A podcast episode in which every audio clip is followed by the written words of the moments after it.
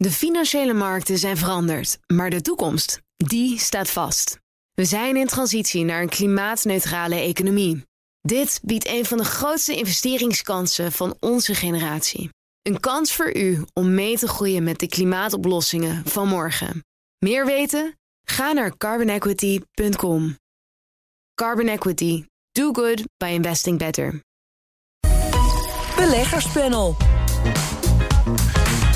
Het eh, sociale platform Reddit veroorzaakt grote paniek wereldwijd op de beurzen. En de grootste Amerikaanse gas- en oliebedrijven waren even in gesprek over een fusie. Dat en meer bespreek ik in het beleggerspanel. En daar zit Martine Hafkamp van Vitesse Vermogensbeheer. Marco Groot, oprichter van 8 Days a Week en ook bekend van de columns op marcogroot.com. En Thijs Knaap, chief economist bij APG. Welkom allen. Goedemiddag. Drie leden van dit panel, drie laatste transacties. Thijs, jij mag beginnen. Ja, ik kom hier vaak met een wat flauwe transactie... dus ik ben heel blij dat ik deze keer uh, een echte aankoop kan melden. We hebben als APG een minderheidsbelang uh, genomen in een uh, bedrijf... dat, dat een financieel coaching- en adviesplatform op de markt brengt... met de naam Prikkel, zoals dat gaat op internet verkeerd gespeld, zonder E. en daarmee hopen we iets te doen aan het, het oude probleem... wat pensioenbeleggers hebben, namelijk dat de gemiddelde jongeren... en personen van middelbare leeftijd zich bevinden in een zogenaamde pensioencoma.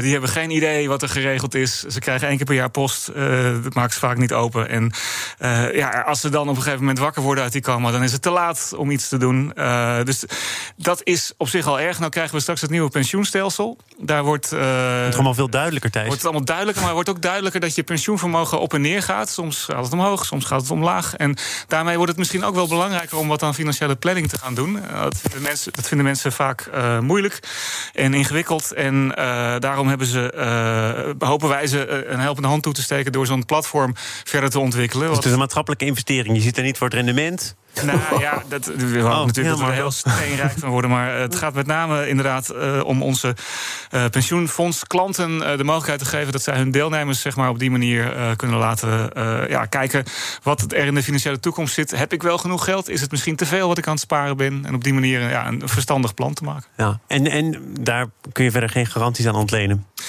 Nee, ja, nu klinkt het zo van, nou, nee, als ik te veel geld heb, dan ga ik het nu uitgeven. Nee, dat is altijd. En dan weet ik je te vinden, Thijs. Ja, heel goed. Nee, kijk, met beleggen uh, op financiële markten weet je het natuurlijk nooit van tevoren. Maar het kan, je kan uh, sowieso het inzicht hebben over wat, wat wordt er opgebouwd ja. en wat denk ik later nodig te hebben. Dat, ik denk dat heel veel mensen dat überhaupt niet hebben op dit moment. Nee.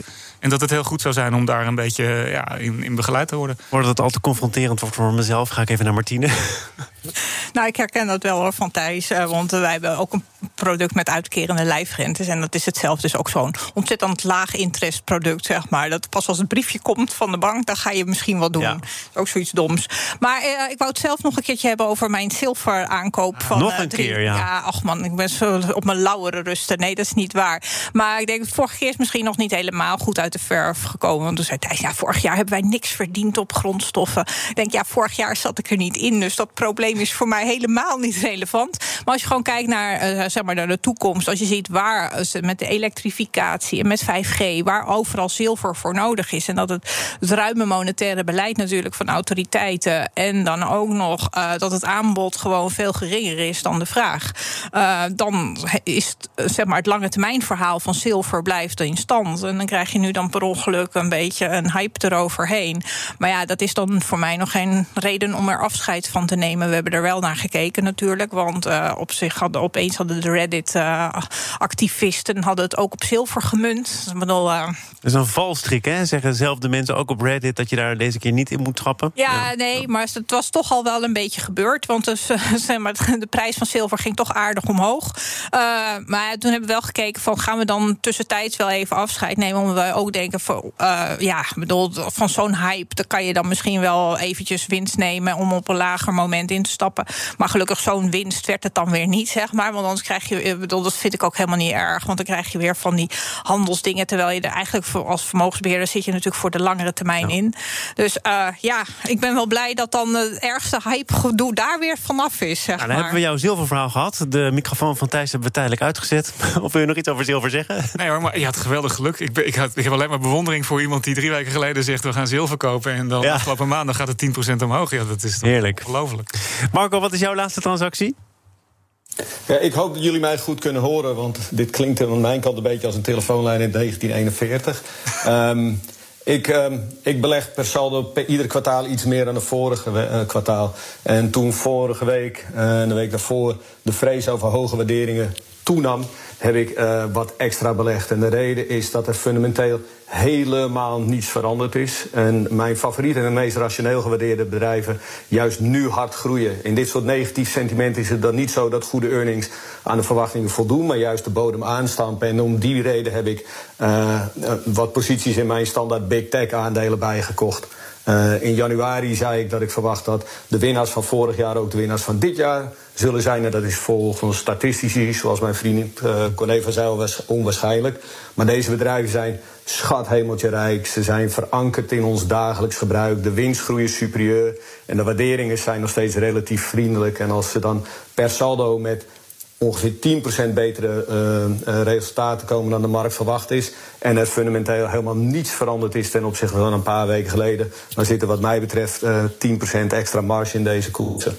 Laten we van big tech naar big oil gaan. Want er waren big oil companies die nog groter wilden worden. Uh, in elkaars armen gedreven. ExxonMobil en Chevron hadden gesprekken over een mogelijke fusie. Verkennend van aard. Er was afgelopen zomer contact. Gesprekken zijn nu gestaakt. Maar uh, het hoeft niet te zijn dat wat er nu niet meer op tafel ligt... ook in de toekomst nooit zal gebeuren.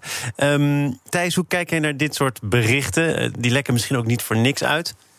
Nee, dat is weer een, uh, een heel ander iets wat er in de media mee gebeurt. Ik kijk met name naar het nieuws dat die, die oliebedrijven... die, uh, ja, die gewoon hele grote uh, kapitaalintensieve operaties hebben... die veel geld moeten uitgeven aan ja, de, het basisproces. Daar is altijd de wil om te fuseren en om, om, om kosten te besparen. Allicht, er werden hier ook weer miljarden genoemd als, als de mogelijke voordelen.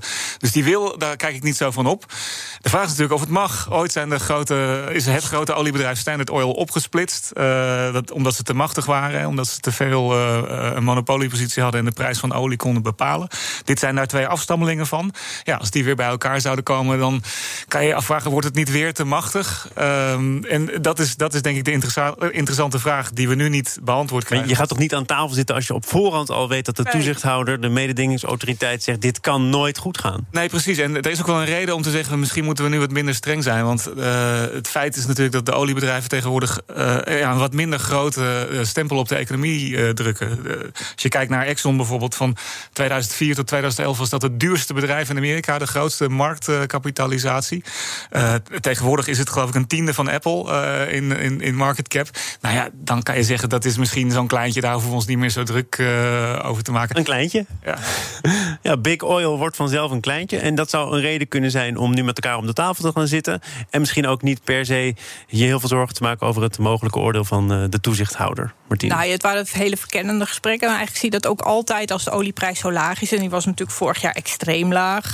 Uh, dan is dat logisch dat je dan in ieder geval daar in ieder geval eens over kan praten. Dat was twintig jaar geleden ook. Nou, toen zijn er diverse fusies geweest. En Exxon en Mobil zijn samengegaan, als je het dan over Exxon hebt. Ja. En Elf uh, en uh, Total en dat zijn natuurlijk ook toen gefuseerd. Dus het is wel iets van alle tijden. En nou ja, het kan natuurlijk ook door, de, zeg maar, door alle vergroening die er plaatsvindt. En dat ze aan alle kanten gechallenged worden.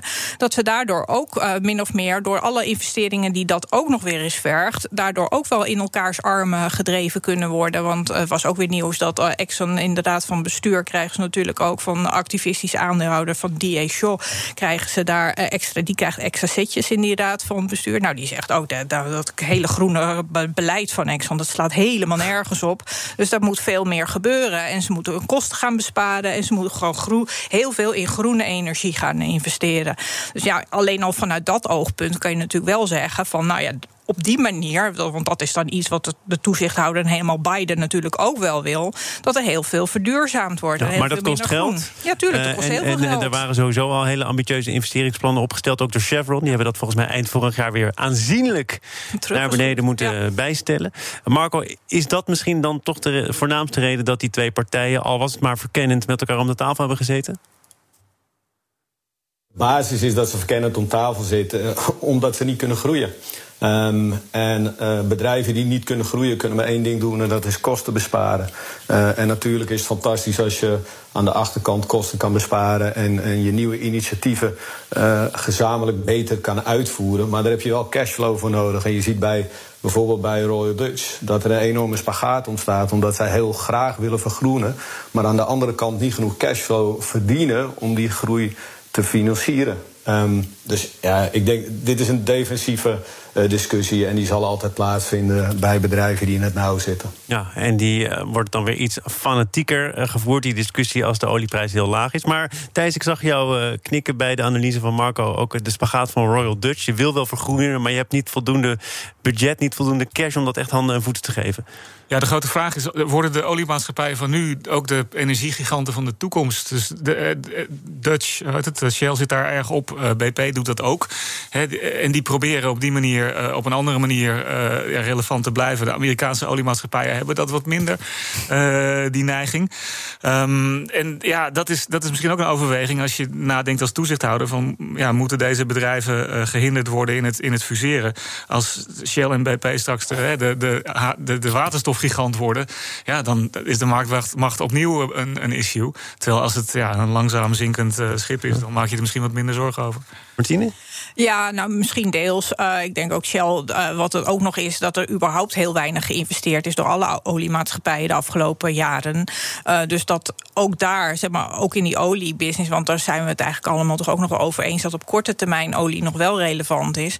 Daar moet ook iets gebeuren. Nou, ben van Beurden heeft dat ook in een uitvoerig interview in de Volkskrant verklaard. Hè, dat er wel iets te makkelijk wordt gedacht dat we het zonder olie wel gaan redden. Ja, maar dat is ook zo. Dat, dat gaat, op korte termijn kan dat ook allemaal niet. Dus, maar ja, ook daar moeten dus hele forse investeringen gedaan worden. Dus ja, bedoel, met z'n tweeën kan je dan net iets meer investeren dan in, in je eentje. En ook dan weer als je van synergievoordelen kan profiteren, doordat je wel aan de achterkant dus een deelkosten kan uh, besparen, kan, ja, kan ik me dat voor de kortere termijn in ieder geval wel voorstellen. We gaan uh, naar een tweede omvangrijk onderwerp. Zaken doen. Het beleggerspanel is aan het woord. Martine Hafkamp van Vantessa Vermogensbeheer, Marco Groot van uh, Eight Days a Week en van de website marcogroot.com. En Thijs Knaap is chief economist bij APG. En uh, Marco, ik las op jouw website: um, GameStop is endgame.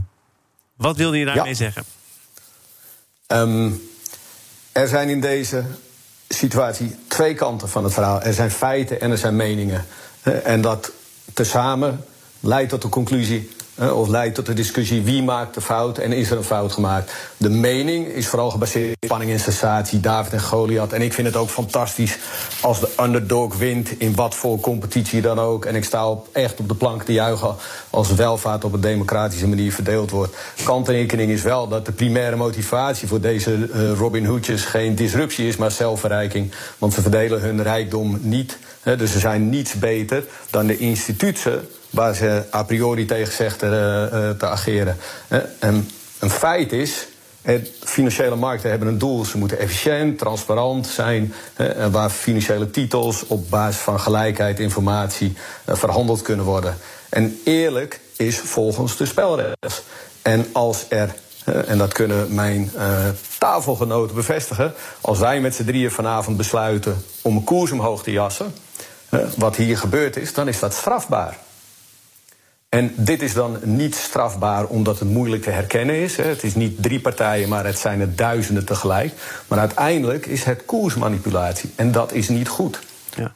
Hebben zij een loophole in het systeem gevonden? Ja, min of meer wel. En wie faalt in deze? De regulator. En dat is eigenlijk de partij waar ik al jaren uh, uh, laat ik zeggen, tenminste twijfelachtig tegenover staat. Uh, laat ik uh, het woord even geven aan iemand die ook al jarenlang uh, heeft gevochten met regulators. hij is door heel veel nieuwskanalen gevonden deze dagen. De echte Wolf of Wall Street. Jordan Belfort die reageerde op CNN op het stilleggen van de handel. Komt-ie. They have massive liability on their side because here's what's going to happen. I promise you, when this is over and all these stocks come crashing back down to their fundamental values, there are going to be lawsuits flying. And you know who's going to be named in every one?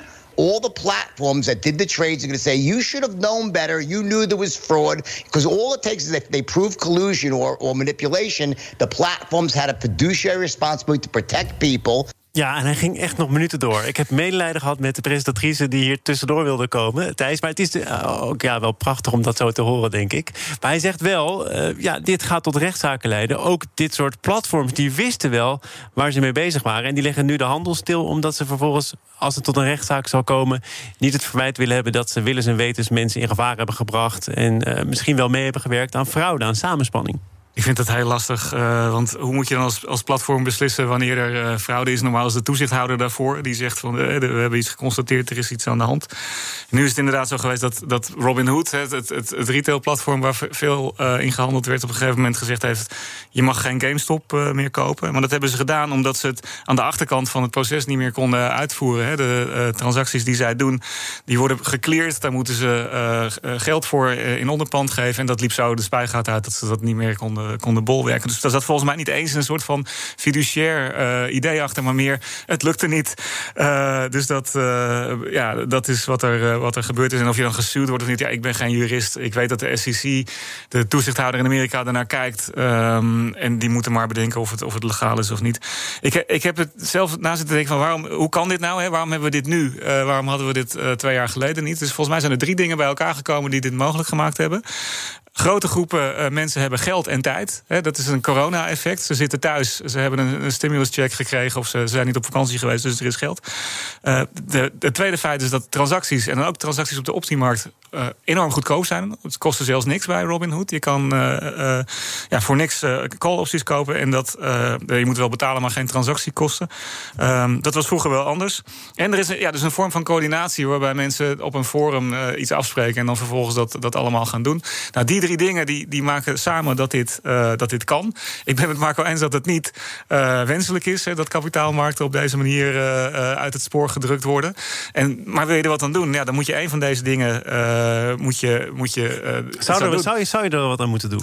Nou, ik, ja, dus ik, ik ben een hele saaie lange termijn pensioenbelegger. Dus dit soort dingen denk ik, ja, het aandeel gaat omhoog... en daarna gaat het weer omlaag. En uiteindelijk maken we er niet zoveel, maakt het niet zoveel verschil. Maar het is, en we hebben die kapitaalmarkt en niet voor niks. Die beslissen hoe uh, het geld dat we met z'n allen gespaard hebben, wordt ingezet in de economie.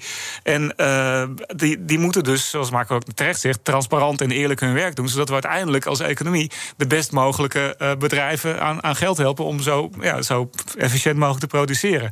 Door dit soort spellen te spelen, ja, maak je daar een soort grapje van, waardoor een bedrijf, een soort van free record shop in games, alsnog omhoog geduwd wordt. Maar dat is denk ik niet waar die markten voor zijn. Dus ik, ja, ik denk wel dat dit iets is waar we uh, maar, niet heel blij Misschien heeft het de vorm van een grapje, maar legt het ook wel een serieuzer probleem bloot. Namelijk de strijd die de particuliere belegger ja, je kunt je afvragen of de strijd is, maar voert tegen de hedge funds het groot kapitaal dat op een uh, misschien wel moreel verwerpelijke manier zijn geld verdient. Nou ja, dat groot kapitaal verdient nog steeds op diezelfde manier zijn geld. Want Robin Hood die geeft ook zijn handelstromen door aan uh, partijen waar ze zelf ook weer tegen ageren. Dus in die zin gebeurt er niet zo heel veel. En je moet ook weer kijken, hedgefonds hebben, eh, funds hebben ook een functie. Hè? Ik bedoel, met short gaan, dat zorgt ook vaak weer voor een bodem onder de markt. En zelfs pensioenfondsen gebruiken soms wel hedgefonds voor een deel van de... Kan je dit heel even uitleggen? Een bodem onder nou, de markt? Nou, omdat ze natuurlijk op een lagere... Uh, ze kopen op een lagere koers. Want ze speculeren op een koersdaling. Zeker. En op, als de koers dus lager is, kopen ze die aandelen terug. Dus dan heb je weer kopers in de markt. Uh, dus dan krijg je vanzelf dat die koersdaling gaat afvlakken. Maar dus wat verder ging, als je dan over uh, bijvoorbeeld ook pensioenfondsen... die maken ook voor een deel van, uh, van, van het vermogen ook wel... Zeg je dat nou puur toevallig? Nee, nee, nee, maar dat is gewoon zo. Dus in die zin heb je als een particulier die je dan die voelt dat zich onrecht wordt aangedaan... doe je jezelf ook op die manier dus, als je zo te strijden gaat trekken... voor, voor dat deel van de poort kan je ook weer jezelf uh, onrecht aandoen. Dus ik denk niet, kijk, het gaat ook als je kijkt naar de stromen... die particulieren voor hun rekening nemen op de kapitaalmarkten. Het is nu iets van 20% geloof ik. En instituten zijn nog steeds 80% Dus, en het vindt ook in uithoeken plaats. Ja, ik, snap, ik, snap, wel dat jij dit zegt, maar er wordt uh, niet alleen door Thijs of door Marco... maar ook door, door andere toezichthouders wel gezegd... ja, particulieren uh, die nu massaal toestromen... die eigenlijk uh, nauwelijks ja. weten welke risico's ze lopen. En dat verstoort de markt, dat is gevaarlijk. Het heeft niks meer met beleggen te maken. Het is een casino, het is Ja. gokken. Ja, maar ja, dat hebben we ook wel eens eerder gezien. Hè? Ik weet nog iets van een dotcom-bubbel die barstte. En World Online dat naar de beurs ging en noem het allemaal maar op. Maar soms is het zo dat als je dingen eerder gezien hebt... dat je dat probeert een tweede keer te voorkomen. Nou ja, blijkbaar beleggers niet. Eh, voor heel veel beleggers zal, wil ze ook een nieuwe generatie beleggers die nog geen daling hebben meegemaakt. En die denken, nou, gratis geld bestaat echt. Ja. En je moet ook kijken hoe dat dan zich ontwikkelt als de koersen wel eens naar beneden gaan. Want het is niet zo dat iedereen hier aan gaat verdienen. Eh, Marco, wat, wat is. eh, de analyse hebben we gehoord van, eh, van Thijs. Hè? Er is eh, heel veel geld in de markt. Mensen vervelen zich en mensen gaan dus maar beleggen. Daarom gebeurt Ja. dit nu en bijvoorbeeld niet twee, drie jaar geleden. Wat, wat moet er gebeuren om dit soort zaken aan banden te leggen? Of nee, eigenlijk moet ik daar natuurlijk aan vooraf stellen. Moet dat gebeuren? Het laatste stuk van jouw vraag is volmondig ja. Het eerste stukje is nee. De blunder is gemaakt in 2007. Toen kregen we een nieuw setje regelgeving, dat heette MIFID. En toen werd toegestaan dat naast traditionele beurzen nieuwe handelsplatformen opgezet mochten worden. Met als doel om co- concurrentie te verhogen en kosten te verlagen. En wat Robin Hood nu is, en dat schetst de situatie heel erg duidelijk, is een handelsplatformpje op zich voor particulieren. En zoals Martine zegt, zij verkopen hun flow aan, eh, aan hedge funds en andere instituten. Nee. Ongeveer. Robin Hood is een platform wat per saldo ook weer met andere platformen communiceert. Dus die transparantie is verdwenen. Dat is het allergrootste probleem in deze. En omdat MIFID 2 uit 2012 vervolgens ook nog een keer allerlei andere verplichtingen eh, eh, aan, aan banken en brokers oplegde, is dat volume volledig versplinterd. En kan je door op delen te handelen enorm manipulatief aan het werk gaan. Dus de oplossing zou zijn om weer terug te gaan naar één handelsplatform waar iedere titel verhandeld wordt en iedere eh, rapportage van een transactie op dat ene handelsplatform teruggaat. Er zit tijdsverschil tussen verschillende platformen en volumeverschillen, waardoor het volume versplinterd is. Dit is een fout die gemaakt is door toezichthouders. Die Kun moet je, kun, je, kun, je, kun je dat inderdaad eh, Thijs op deze manier wat beter samenklonteren... waardoor die versplintering wordt tegengegaan... en die transparantie binnen handbereik komt? Ja, dat kan altijd. Eh, Als je mensen verplicht om allemaal op dezelfde markt te handelen, handelen op hetzelfde moment, dan, eh, dan komt er al het volume bij elkaar. Dus dat, Nee, dat ik heb jou ook gehoord over transparantie in dit panel. Dus Ja, nee, dus dat, dat, dat kan. Eh, maar wat- Marco zegt, er zat inderdaad een idee achter dat je ook concurrentie moet toestaan tussen die verschillende eh, platforms. En op die manier zorgt dat het allemaal goedkoper wordt. Nou, dat is trouwens gelukt. Hè? De- als je kijkt wat de kosten voor particuliere beleggers zijn, die zijn een stuk lager. Maar eh, het, zoals het spreekwoord gaat, als je, als je niks betaalt bij jezelf het product, eh, dat doen ze door inderdaad de, de, eh, de informatie, wat zijn die particulieren aan het doen, eh, ja, ook weer te verkopen en, en te vermarkten. En op die manier eh, dat, te subsidiëren. Dus kan het beter? Ja, het, allicht eh, kan het beter. De regels laten dat op dit moment, eh, die, die werken dat niet eh, in de hand. Maar ik weet niet of dit alles verklaart. Dus eh, ik denk dat ook, hè, ik noemde net al drie factoren. Dus die factor dat, dat grote groepen mensen toch eh, kunnen coördineren van eh, we gaan nu met z'n allen dit aandeel kopen. Dat moet je ook niet eh, onderschatten. Dat was misschien een aantal jaar geleden technisch wel mogelijk, maar gebeurde niet zoveel. Eh, en dat is echt een gamechanger. Want ja, de particulieren, als ze, als ze een idee hebben, hè, dat- middelt gewoon statistisch uit. En eh, daar heb je normaal niet zoveel last van. Nu gaat iedereen dezelfde kant op en krijg je dit soort bokkensprongen. En die kant die gaat richting zilver, hebben we net besproken. Maar AMC, de bioscoopketen, is al genoemd. Mobieltjesproducent BlackBerry, Nokia. ook wel redelijk ten dode opgeschreven. Eh, Hou jij dat vanaf nu dus extra goed in de gaten? Nou Martine? nee, ik kijk eerst naar een bedrijf of ik het fundamenteel interessant vind om erin te beleggen voor mijn klanten. En de, de namen die jij nu genoemd hebt, wat je er zelf ook al bij aangeeft, zijn dat nou niet de bedrijven waarvan ik denk van nou die staan bovenop mijn eh, watchlist, zeg maar. Of eh, daar wil ik heel graag in gaan beleggen. Nee, ik denk, bedoel, natuurlijk, ik bedoel, maar het gaat ook op dat platform. Hè. Er zijn 5 miljoen mensen en als je dan 6000 euro gemiddeld hebben ze te beleggen, of 6000 dollar.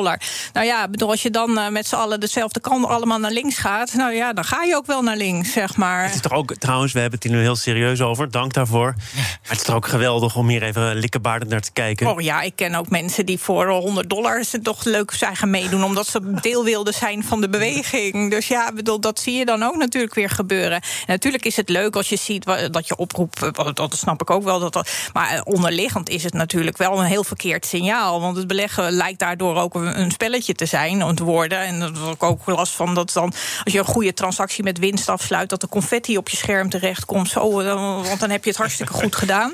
Maar ik zou willen dat er, dames en heren, nu confetti uit het plafond zou komen. Al was het maar om jullie te bedanken. Het is niet zo, maar mijn dank is er wel degelijk. Martine Hafkamp van Vitesse Vermogensbeheer... Marco Groot van Eat Deze Week en van de website marcogroot.com... en Thijs Knaap, chief economist bij APG. Dank voor jullie bijdrage aan het panel. Zometeen gaat het over het beleid van de Chinese leider Xi Jinping. Zou je beter kunnen begrijpen als je de Godfather-films gezien hebt. De financiële markten zijn veranderd, maar de toekomst, die staat vast. We zijn in transitie naar een klimaatneutrale economie. Dit biedt een van de grootste investeringskansen van onze generatie. Een kans voor u om mee te groeien met de pioniers van morgen. Meer weten? Ga naar carbonequity.com.